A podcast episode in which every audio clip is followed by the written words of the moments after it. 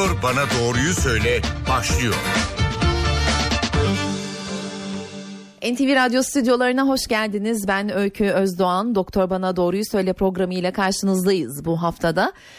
Sadece organ nakliyle mümkün hastalıklar var ve tüm dünyada olduğu gibi Türkiye'de de önemli bir sağlık sorunu aslında bu. Organ bağışını, organ nakli üzerine sohbet edeceğiz bugün. Stüdyo konuğumuz Florence Nightingale Şişli Hastanesi Organ Nakli Bölüm Başkanı Profesör Doktor Barış Akin'le stüdyomuza hoş geldiniz. Hoş bulduk. Merhabalar Öykü. Dinleyicilerimizden de sorular alacağız. 0212 335 47 20 335 47 20 nolu telefondan bize ulaşıp organ bağışı, organ nakli ile ilgili sorularınızı iletebilirsiniz diyorum ve tekrar hocamıza dönüyorum. Ee, Sağlık Bakanlığı'na göre 2002'de 307 olan nakil sayısı günümüzde 3000'lere yaklaşmış. Ee, iyi midir bu rakamlar? Tabii bu rakamlar çok iyi rakamlar. Ee, geçtiğimiz son 10 yıl içerisinde organ naklinde çok önemli gelişmeler oldu. Ee, hem sayı olarak hem önemli bazı tekniklerde karaciğer naklinde, böbrek naklinde Avrupa ile beraber hatta bazı konularda ilerisinde gidiyoruz. Ee, ve e, bu bahsettiğimiz 3000 sayıları böbrek nakli için gene karaciğerde de binlerce nakil var. Bunlar çok e, önemli, başarılı sayılar. E, peki Türkiye'de e, 25 binden fazla kişi böbrek nakli bekleme listesinde görünüyormuş ki hepsine bakıldığında e, nasıl bir rakam var ben e, yakalayamadım size soracağım. Neden bekliyor hastalar? Organ mı yok? Yetmiyor mu? Problem nedir? Ee, böbrek yetmezliğinin ve karaciğer yetmezliğinin tedavisi tabii ki organ nakli. Hı hı. Bu sayede ancak hayatta kalabiliyorlar. Keşke e, herkese nakil yapabilecek organ bulabilsek. Bizim en büyük problemimiz organ ihtiyacının fazla olması. Türkiye'de böbrek nakliyle ilgili konuşacak olursak 55 bin tane diyalize giren hastamız var. Hı hı. 55 bin kişi. Ve bunların 22-23 bin tanesi organ nakli ulusal bekleme listesinde böbrek nakli olabilmek için ölüyor, e, bekliyor. Bekliyor. Bu e, süreç ama çok zorlu bir süreç. Çünkü hı hı e, bazen 5 sene, 10 sene, 15 sene bekleyip hiç nakil olamayan ve özellikle de her sene bu listede 2-3 bin kişinin öldüğü ve yeni 4-5 bin kişinin eklendiği giderek artan bir liste bu. Hı hı. Onun için bu bahsettiğimiz 22 bin kişi herhangi bir yakını olmayan, kendi yakınından böbrek nakli olamadığı için ulusal bekleme listesinde olan ve nakil olması için her gün heyecanla bekleyen kişilerden diyaliz hastalarından bahsediyoruz. Ne kadar bekleyebilir bu hastalar? Ee, şöyle söyleyeyim diyaliz çok zorlu bir süreç ee, ve e, bu süreçte tabii ki insanın vücudu yıpranıyor ve hastaları kaybediyoruz. Normalde 10 yıl sonra 10 e, hastanın bir tanesi hayatta kalabiliyor. Hı. Halbuki e, böbrek nakli yaptığımız zaman 10 yıl sonra bu hastaların 8 tanesini hayatta aramızda görebiliyoruz. Hı. Bu çok ciddi bir e, hayat hediyesi yani. E, peki ne zaman organ bağışlanır diye sormak istiyorum hocam. Yaşarken organlarımızı bağışlayabiliyoruz. Evet aynen öyle. Ee, bu bahsettiğimiz demin bekleme listesi kadavra listesi. Yani beyin ölümü olan kişilerin e, nakil olmak için başvurduğu ama aynı zamanda ülkemizde karaciğer içinde bu geçerli. Böbrek naklinde de canlı vericisi olan yani bir akrabası sevdiği kişi o kişiye böbrek bağışlayabilir. Ee, o zaman tüm tetkikler tamamlanır. Verici olacak kişinin hiçbir ek risk almadığı net bir şekilde ortaya konur. O zaman haftalar içinde o kişi nakil olabilir. Peki e, şunu da sormak istiyorum. Yaşarken hangi organlarımızı bağışlayabiliyoruz? Yani e, organı bağışladıktan sonra yaşamaya devam edebildiğimiz organlar hangileri? Evet. Burada en önemli tecrübe böbrek naklinde. Hı. Çünkü ilk 1950 yılında başlamış. Şu anda 60 yılı aşkın vericilerin takip edildiği bir süreç var. Ee, bizim ülkemizde de bu takip ediliyor ama Amerika ve Avrupa'da önemli takip e, e, sonuçları var. Ve orada biz görüyoruz ki tamamıyla taramadan geçirilmiş ama bu çok detaylı bir tarama. Taramadan geçirilmiş ve bu tarama sonucunda böbreklerinde rahatsızlık olmayan, sağlık problemi olmayan bir kişi böbreğini bağışladığında ileride kendisinin böbrek hastası olma riski artmıyor. He. Bunu söyleyebildiğimiz için bu kriterlere uyan kişiler sevdiklerine böbrek bağışlayabilir. Fakat şunu da ben belirtmek istiyorum. Bu taramalar çok detaylı ben Türk gibiyim hiçbir hastalığım yok diyen her 3 kişiden ya da şu yüzde 60 yani yüzde 40'ı bağışlayabiliyor ve büyük oranında bağışlamıyor. 3 kişinin 2 tanesinde biz tarama yaptığımızda protein kaçağı bulabiliyoruz. Bir böbreği büyük biri küçük görebiliyoruz. Başka sağlık problemleri bulabiliyoruz. Onun için her isteyen kişi hemen böbrek bağışlayamıyor. O detaylı taramalarda elenen pek çok sağlıklı kişi oluyor. Ee, kimler organ bağışında bulunabiliyor diyecektim. Bir yaş sınırı var mı? Ee, tabii ülkemizde bir 18 yaşını geçmiş olması lazım. Hı-hı. Kendi e, e, hukuki özgürlüğünü alması Hı-hı. için. Bunun dışında üst sınır diye bir sınır yok ama e, takvim yaşından daha önemlisi fiziki yaş. Bazen hani 40 yaşındaki biri bağışlayamazken bizim mesela e, merkezimizde 76-77 yaşında böbrek bağışlayan sağlıklı kişiler vardı. Bir de ülkemizde şu bilgiyi vermek önemli. 4 derece akraba böbrek direkt bağışlayabiliyor. Yani mesela benim kardeşim ya da yeğenim bana böbrek vermek istiyor ya da eşimin kardeşi mesela. Aynı şekilde karşı tarafın evli olduğu kişinin kayın akrabalığı da söz konusu hmm. e, bağışlayabiliyor. Direkt böyle bir durumda siz bir organ nakli merkezine gidip organ nakli için e, başvurabiliyorsunuz ve tetkikleriniz yapılıyor, nakil oluyorsunuz. E, eğer bu 4 derecenin ilerisinde olursa ya da e, mesela benim çok sevdiğim bir arkadaşım bana bağışlamak istiyor. Hı hı. O zaman da etik kurullar değerlendiriliyor. Her bölgede e, Türkiye'de tanımlanmış etik kurullar var. Bakanlığa bağlı. Ve burada valilikten biri var, avukat var, işte hukukçular var, doktorlar var. E, bu etik kurullar akrabalık dışı, bu sınırın dışındaki kişileri değerlendiriyor. Ve ona göre uygunsa o zaman o kişilerde bağışlamaları için öneriliyor. Burada ticari bir ilişki olmadığını etik kurul özellikle öncelikle hı hı. değerlendiriyor ve ona göre e, uzak akrabalar ve arkadaşlar da böbrek bağışlayabiliyorlar. Peki e, böbrek ve karaciğer telaffuz ettik e, program başladığından beri ama en çok hangi organlar bağışlanıyor ya da en çok hangi organların nakli yapılıyor diye sorayım. Ee, tabii öncelikle böbrek. Hı. Böbrek çok kalabalık bir hasta grubu var. Ee, bunu karaciğer takip ediyor. Ee, bunun dışında pankreas nakli yapabiliyoruz. Tip 1 diyabetik hastalarda önemli bir katkısı olabiliyor. Hı hı. Aynı zamanda e, akciğer, kalp nakli bunlar çok önemli tedaviler. Hı hı. Bunun dışında e, diğer doku nakli işte kornea nakli yapılabiliyor biliyorsunuz. İnce bağırsak nakli yapılabiliyor gene hı karın içerisindeki organlar içerisinde. E, ve e, bunların içerisinde ama şu anda en çok bekleme listesinde olan en önemli olan hı. böbrek ve karaciğer öncelikle. Hı. Peki e, telefonla bir konuğumuz olacak. Yine e, Türk Organ Nakli Vakfı'ndan Yönetim Kurulu Başkanı Doktor Eyüp Kahveci telefon hattımızda yayınımıza hoş geldiniz. Merhabalar. Merhaba. E, organ nakli suistimali çok açık bir alan e, Eyüp Bey. Bununla ilgili e, çok kısa bir iki soru sormak istiyorum. E, organ bağışıyla ilgili bazı çekinceler de söz konusu. E, bağışlanan organlar öldükten sonra adaletli bir şekilde dağıtılabiliyor mu veya öldükten sonra kullanılmak üzere bağışlanan organlar satılır mı gibi bir takım sorular geliyor akla. Hatta halk e, arasında kaçırılan bazı çocukların organ mafyasının eline düştüğünden e, bahsedilir. Ne diyeceksiniz bunun için?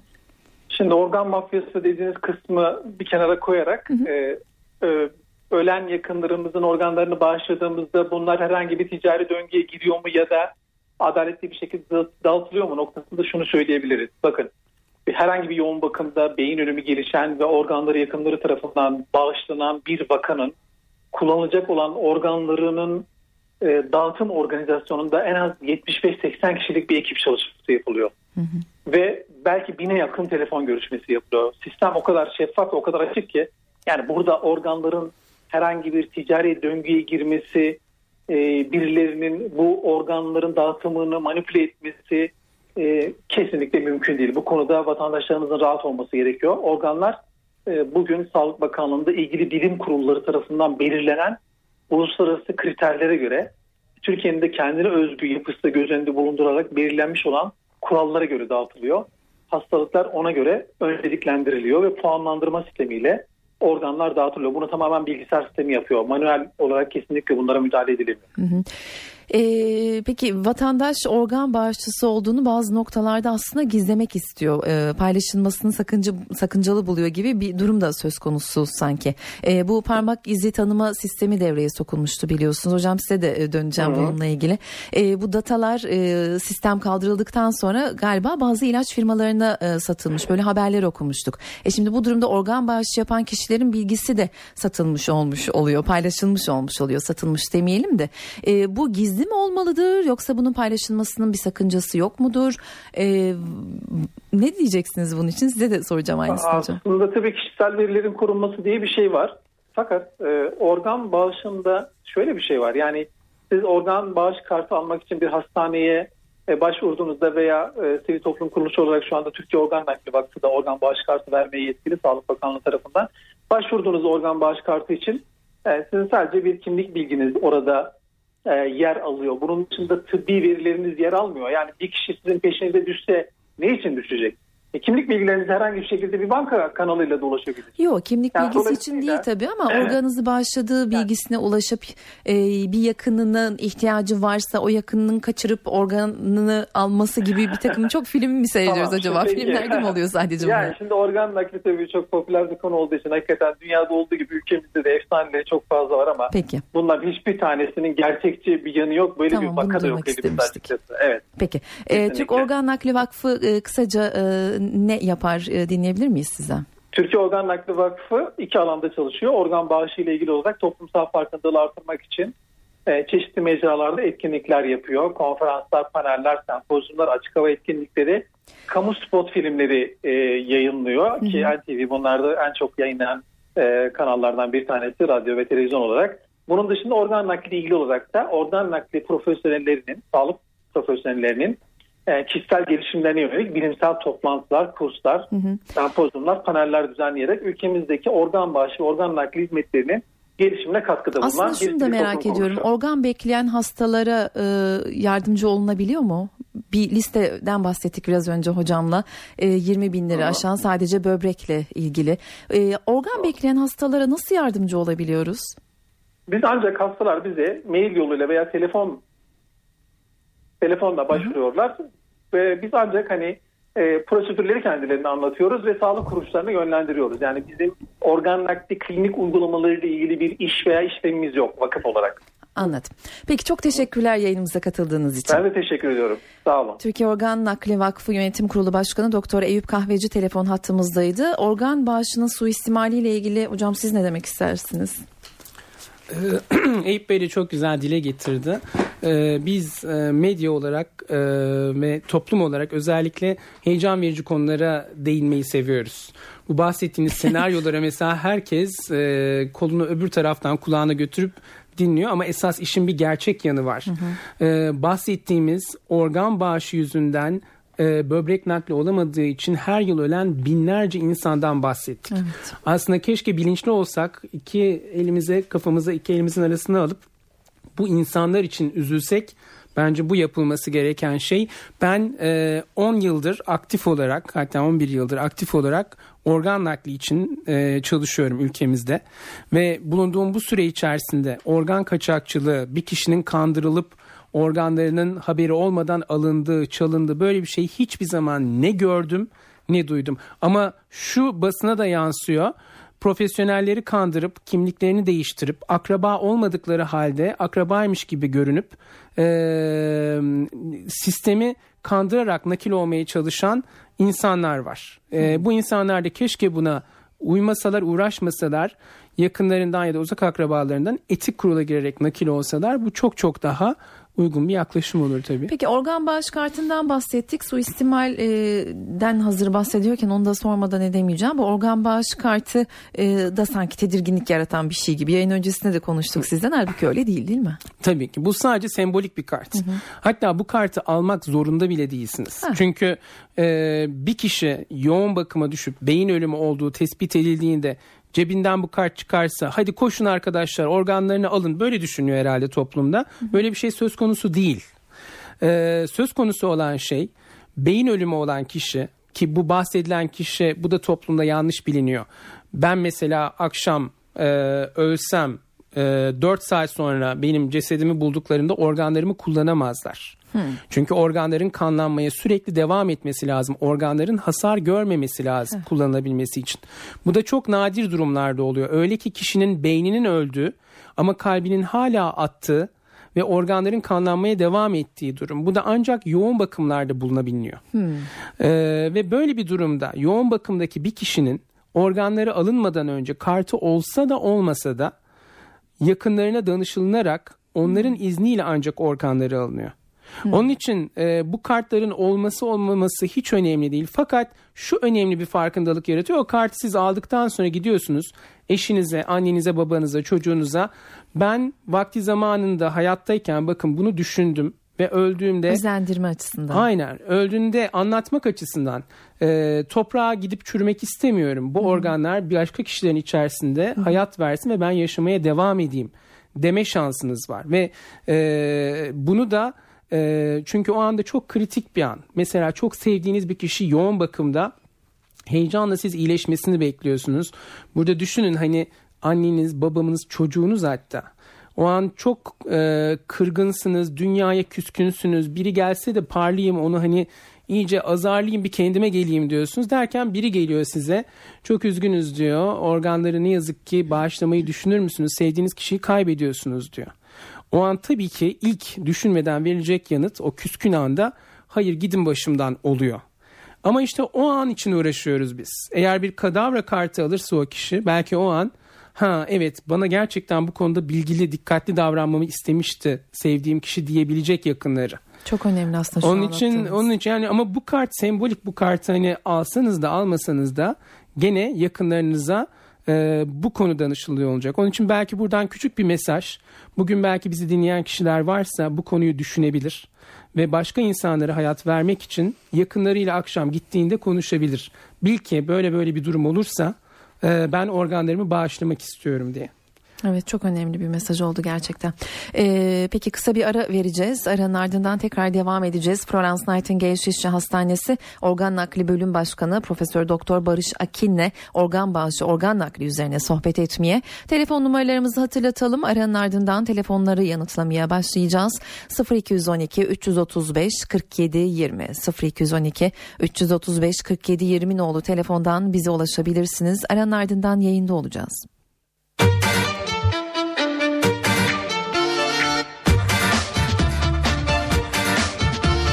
Doktor bana doğruyu söyle devam ediyor.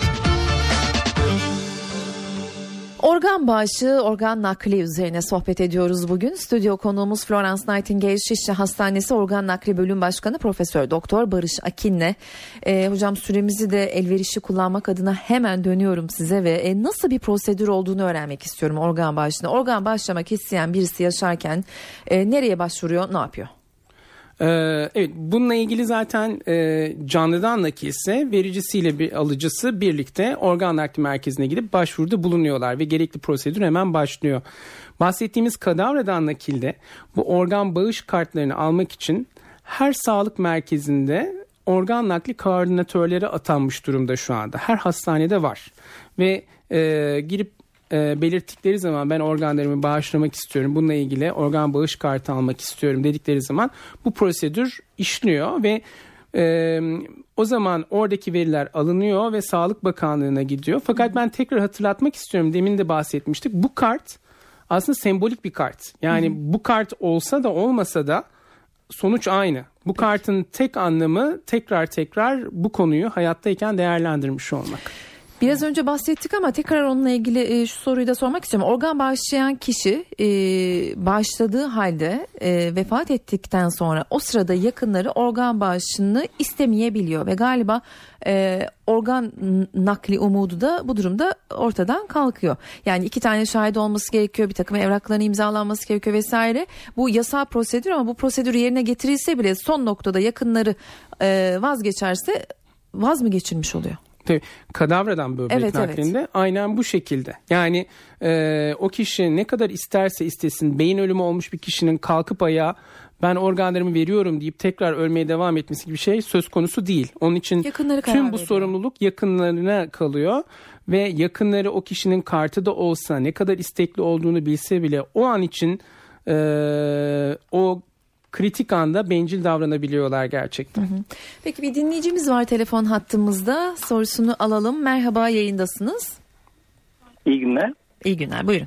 İsmim Özer Kaya. Ben kornea nakli olmak suretiyle organ bağışından faydalanmış bir kişiyim. Karı kocada organ bağışçısıyız aynı zamanda. Hı, Ama bir endişem var. Daha önce duyduğum bir şey. Örneğin hayata döndürme sırasında doktorların organ bağış kartı olduğunda yeterli müdahaleyi yapmadığı şeklinde çok e, endişe verici bir şey duydum ben. Bu bana gerçekten endişe veriyor. Yeterli müdahaleyi yapmayarak yaşam sona erdiğinde organ bağışından faydalanma amacı güdülüyor şeklinde korkunç bir iddia. Bu konuda bir duyum oldu mu bunu sormak isterdim ben e, Sayın Hocama. E, bu süper tam vaktinde sorulmuş bir soru belki. E, kesinlikle gerçek dışı bir durum. E, çünkü e, bir kere her şeyden önce bu bahsettiğimiz kişiler e, organ bağışlayabilecek kişiler yoğun bakımda yoğun tedavi altında olan kişiler. E, ve bu kişilerde beyin ölümü gelişene kadar her türlü tedavi sonuna kadar devam ettiriliyor. Beyin ölümü geliştiği tespit edilen bir kişinin artık e, zaten solunumu durdurulduğu zaman ölmüş bir kişi o. Zaten hayatı da sonlanıyor. Sizin vereceğiniz karar beyin ölümü olduğu zaman toprağa mı gitsin yoksa organları mı bağışlasın? Fakat e, esas sizin sorduğunuz şu soruyu da tekrar hatırlatmak istiyorum. E, bizim Türkiye'de en büyük e, problemimiz beyin ölümü olan kişiyi tespit etmek. Yani e, bu durumda beyin ölümüne kimin yakın olduğu, kimin tedavisini aksatıp onu kadavra etmeye uğraşılacak böyle bir şey e, hiçbir şekilde mümkün değil. Yani sağlık sisteminde böyle bir şey olması mümkün değil. Bir de tabii ki hiçbir doktor bu hani ne olursa olsun hiçbir doktor e, bir başka kişiye zarar verip başkasını e, hayatta tutmayı düşünemez. Onun için bu e, son derece e, e, gereksiz bir şüphe, gereksiz bir e, e, nasıl diyeyim e, düşünce. Bu konuda size yüzde yüz garanti verebilirim ki böyle bir şey söz konusu değil. Peki teşekkür ederiz yayınımıza katıldığınız için 0212 335 47 20 telefon numaralarımız. Ee, hocam toplumun büyük bir kesiminde organ bağışının günah olabileceği de düşünülüyor aslında. Sağlık Bakanlığı Diyanet İşleri Başkanlığı ile bir protokol e, yaptı ve Diyanet bunun caiz olduğunu açıkladı. E, bunun için ne diyeceksiniz? Evet yani bence bu çok e, doğru bir karar. Ben e, şahsen toprakta çürüyecek organların insanların içerisinde nasıl yaşadığını, onlara nasıl hayat verdiğini, nasıl gülücükler, mutluluklar sağladığını onu çok iyi gören biriyim. Hı hı. E, hani Tabii. ben kendi inancımla da tamamıyla tüm kalbimle buna inanıyorum. Peki e, telefon var galiba şu anda bir dinleyicimiz var. Yayını alalım. Merhaba sizi tanıyalım. Ee, mer- merhabalar, ee, günler. Buyurun radyonuzun sesini kısar mısınız lütfen? Tabii ki hemen. Ee, ben ismim Salih. Antalya'dan arıyorum. Hı hı. Ee, kendim özel bir şirkette çalışıyorum. Ee, daha önce ehliyet alırken e, böyle bir şeyde e, bir kağıtta e, bana organ bağışı hakkında bir bölüm vardı. Ben orayı işaretlemiştim ama şimdi doktor beyin söylediğine istinaden şunu sormak istiyorum. Ee, ben öldüğümde veya beyin ölümüm gerçekleştiğinde böyle bir durumda e, kendim organ bağış yapmayı çok istiyorum. Ama e, çevrenin etkisiyle eğer bu olmazsa yakınlarım bunu kabul etmezse ben bunun önüne geçmek için e, şu andan itibaren e, yasal olarak bir şey yapma şansım var mıdır? Çok iyi soru hani, ya. Süper soru Çok bence iyi de. Yani örnek, ben yani örnek veriyorum hani bir yerden bir yazı çıkartıp yani bunu yasal olarak evet. e, ne bileyim yanında tutmak mesela. Tamam. Yani çok yani güzel bir şey soru. Ee, teşekkür ederim ama yapacağınız bir şey yok aslında. Ve ben şöyle söyleyeyim, e, sizin yapacağınız en güzel şey bu konuda siz kendi bilincinizi yakınlarınıza da konuşup onların da bilinçlenmesini sağlamanız ve o gün geldiğinde hepinizin doğru yolu bulacağı bir ortam sağlamanız en en güzel yol.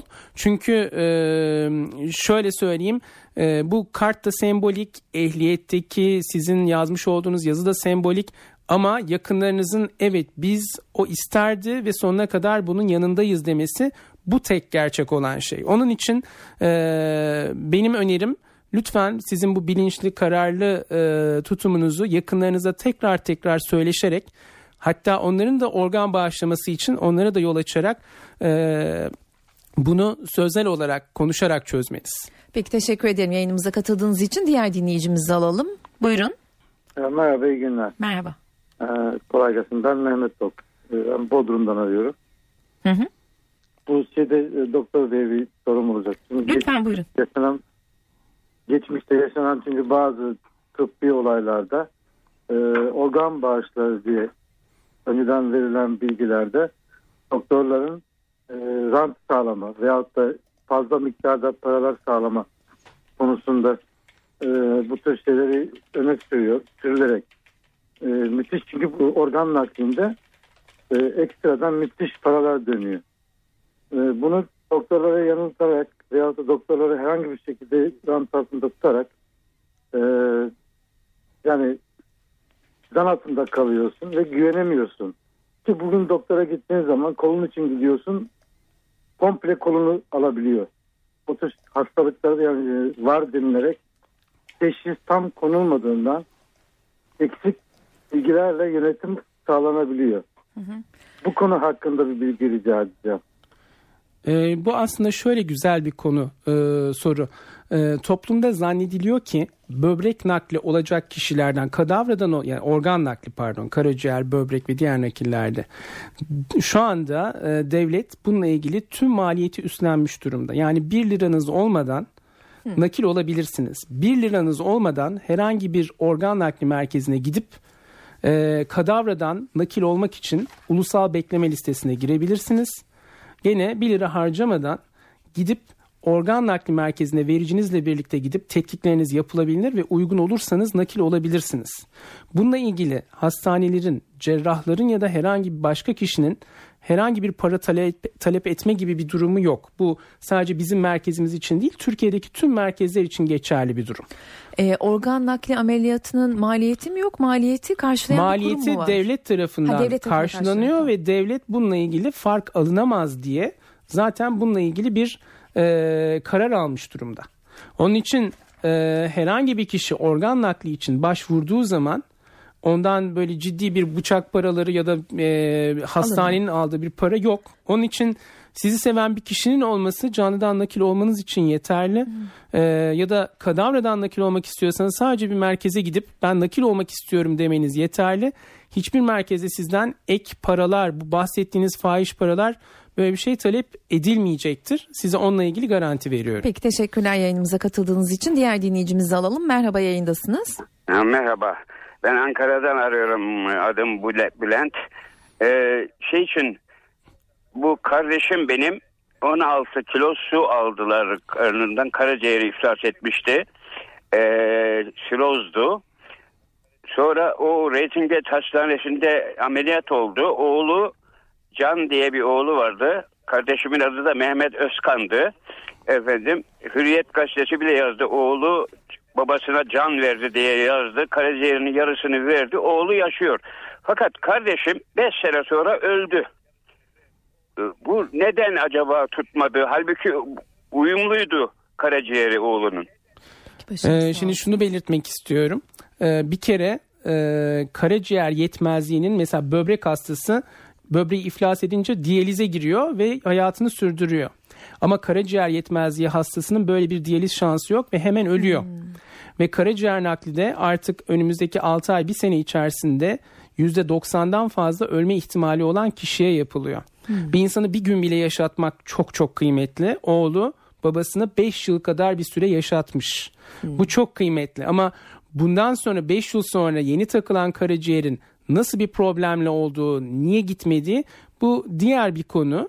Ee, ama e, kardeşiniz nakil olmadığı takdirde belki 3 ayı 6 ay 1 seneyi göremeyecekken oğlu sayesinde 5 yıl daha yaşamış. Ona o şekilde bakmanız çok çok daha doğru olur. Peki teşekkürler yayınımıza katıldığınız için. Bu doku uyumundan da bahsedelim mi? Yani organ nakli yapıldıktan sonra uyumaması gibi bir durum oluyor mu? Öncesinde uyumasını anlamak için Tabii. ne yapmak gerekiyor? Ee, en güzel aslında başarı oranlarından bahsedelim. Böbrek naklinde bugün için e, ameliyattan sonra hemen hemen %100'e yakın başarı oranları var. Ee, bizim merkezimizde %98 mesela başarı %99.8 hemen ameliyattan sonra sağlıklı eve gitme e, oranı var. Bir yıl geçtiği zaman bu nakil olan 100 kişinin %97.8'i gene sağlıklı hayatını sürdürüyor. Ama o iki kişi belki hastalık nüksü, e, belki rejeksiyon, belki başka problemlerle böbreğini kaybedip diyalize dönmesi söz konusu olabiliyor. 10 yıla gelindiği zaman bu hastaların yine %90'ı sağlıklı hayatını sürdürüyor. Bunlar çok güzel başarı oranları. Ee, bunu sağlarken biz kan grubu uyumu olan nakil yapmak istiyoruz. Yani A kan grubu biri sıfır ya da A kan grubundan alabiliyor. RH faktörü yok dokularda. Onun için A pozitif, A negatif çok fark etmiyor. Hı hı. Onun için kan grubu uyumuna özen gösteriyoruz. Doku uyumu her zaman sağlanamıyor ama bağışıklık baskılayıcı ilaçlar o kadar ilerledi ki doku uyumu hiç olmayan karı koca arasında mesela gene son derece başarılı sonuçlar alabiliyoruz. Onun için doku uyumu olmadan e, böbrek nakli yapmak son derece gene başarılı sonuçlar veriyor. Mümkün. Peki bir dinleyicimiz var hatta. Merhaba yayındasınız. Merhaba İsmail ben. Ee, benim sorum beyin ölümüyle alakalı olacak. Yani beyin ölümü gerçekleşen bir insanın tekrardan dönme ihtimali var mı? Ee, kalp atışının devam ettiğini e, söylüyor uzman arkadaşımız. Yani bu konuda bilgilenmek istiyorum ben. Yani, e, daha ölmeden mi insanların organları alınıyor? Bunu merak ediyorum. Valla çok güzel. Bu soruları biz bu kadar iyi soramayabiliriz belki. Soramadım vallahi ben. ee, çok güzel bir endişe bu. Filmlerde görüyorsunuz mesela bir kişi birdenbire böyle e, komaya girdi deniyor. Sonra 10 yıl geçiyor. 10 yıl sonra kalkıp e, bıraktığı yerden devam ediyor. E, bu tip durumlara biz koma diyoruz. Yani beyin kanlanması devam ediyor ama işlevini yapamıyor. Fakat beyin ölümü hiçbir şekilde bununla karıştırılacak bir şey değil. Beyin ölümünde beyine hiç kan gitmiyor. Beynin kanlanması bozulmuş. Ve hani kafatası içinde olduğu için görmüyoruz. Kafatasının içini görme şansımız olsa biz ölmüş, mosmor olmuş doku göreceğiz. Bunun geri dönüşü hiçbir şekilde mümkün değil. Ve e, bunun beyin ölümüyle e, komanın karşılaştırılması da mümkün değil. Çünkü beyin içindeki kan dolaşımını çok net bir şekilde değerlendiren bir sürü cihaz var bugün için elimizde. Dopplerler var, diğer e, anjiyolar var, bir sürü olanak var. Onun için size şu konuda teyit edebilirim ki beyin ölümüyle koma hiçbir şekilde karışmaz. Bir kişiye beyin ölümü denildikten sonra artık yapılacak tek şey onun solunum tüpünü çekip e, o kişinin tam ölüm olduğunu görmektir. Yurt dışında da böyle yapılıyor zaten. Onun için e, kalbin atmasıysa e, farklı bir konu. Kalp beyin olmadan da atabiliyor. E, ama akciğerler beyin olmadan çalışamıyor. Onun için o solunum cihazından ayırmak akciğerleri durdurduğu için hemen ölüme sebep olacaktır zaten. Özet olarak beyin ölümü hiçbir şekilde hiçbir şeyle karışmaz ve e, beyin ölümü olan kişi de e, zaten ölmüş demektir. Peki teşekkür ederim yayınımıza katıldığınız için. Hocam son bir dakika nakil ameliyatı sonrası hasta nasıl bir hayat bekliyor hastayı neler yapmalı? Çok güzel bunun yanıtı NBA'de biliyorsunuz basketçiler var. Hmm. Ee, ondan sonra adını hep unutuyorum ama boşnak bir futbolcu vardı bizim milli takıma gol attı böbrek nakline oynayarak. Ondan sonra kayakçılar var, e, bisikletçiler var. Harika. E, onun için bu sorunun yanıtı o kişinin içinde ne cevher varsa nakilden sonra da çok güzel hayatını sürdürebiliyor. Peki çok teşekkürler yayınımıza katıldığınız için. Florence Nightingale Şişli Hastanesi Organ Nakli Bölüm Başkanı Profesör Doktor Barış Akindi bugünkü konuğumuz. Ben Öykü Özdoğan. Pazartesi başka bir konukla karşınızda olacağım. Hoşçakalın.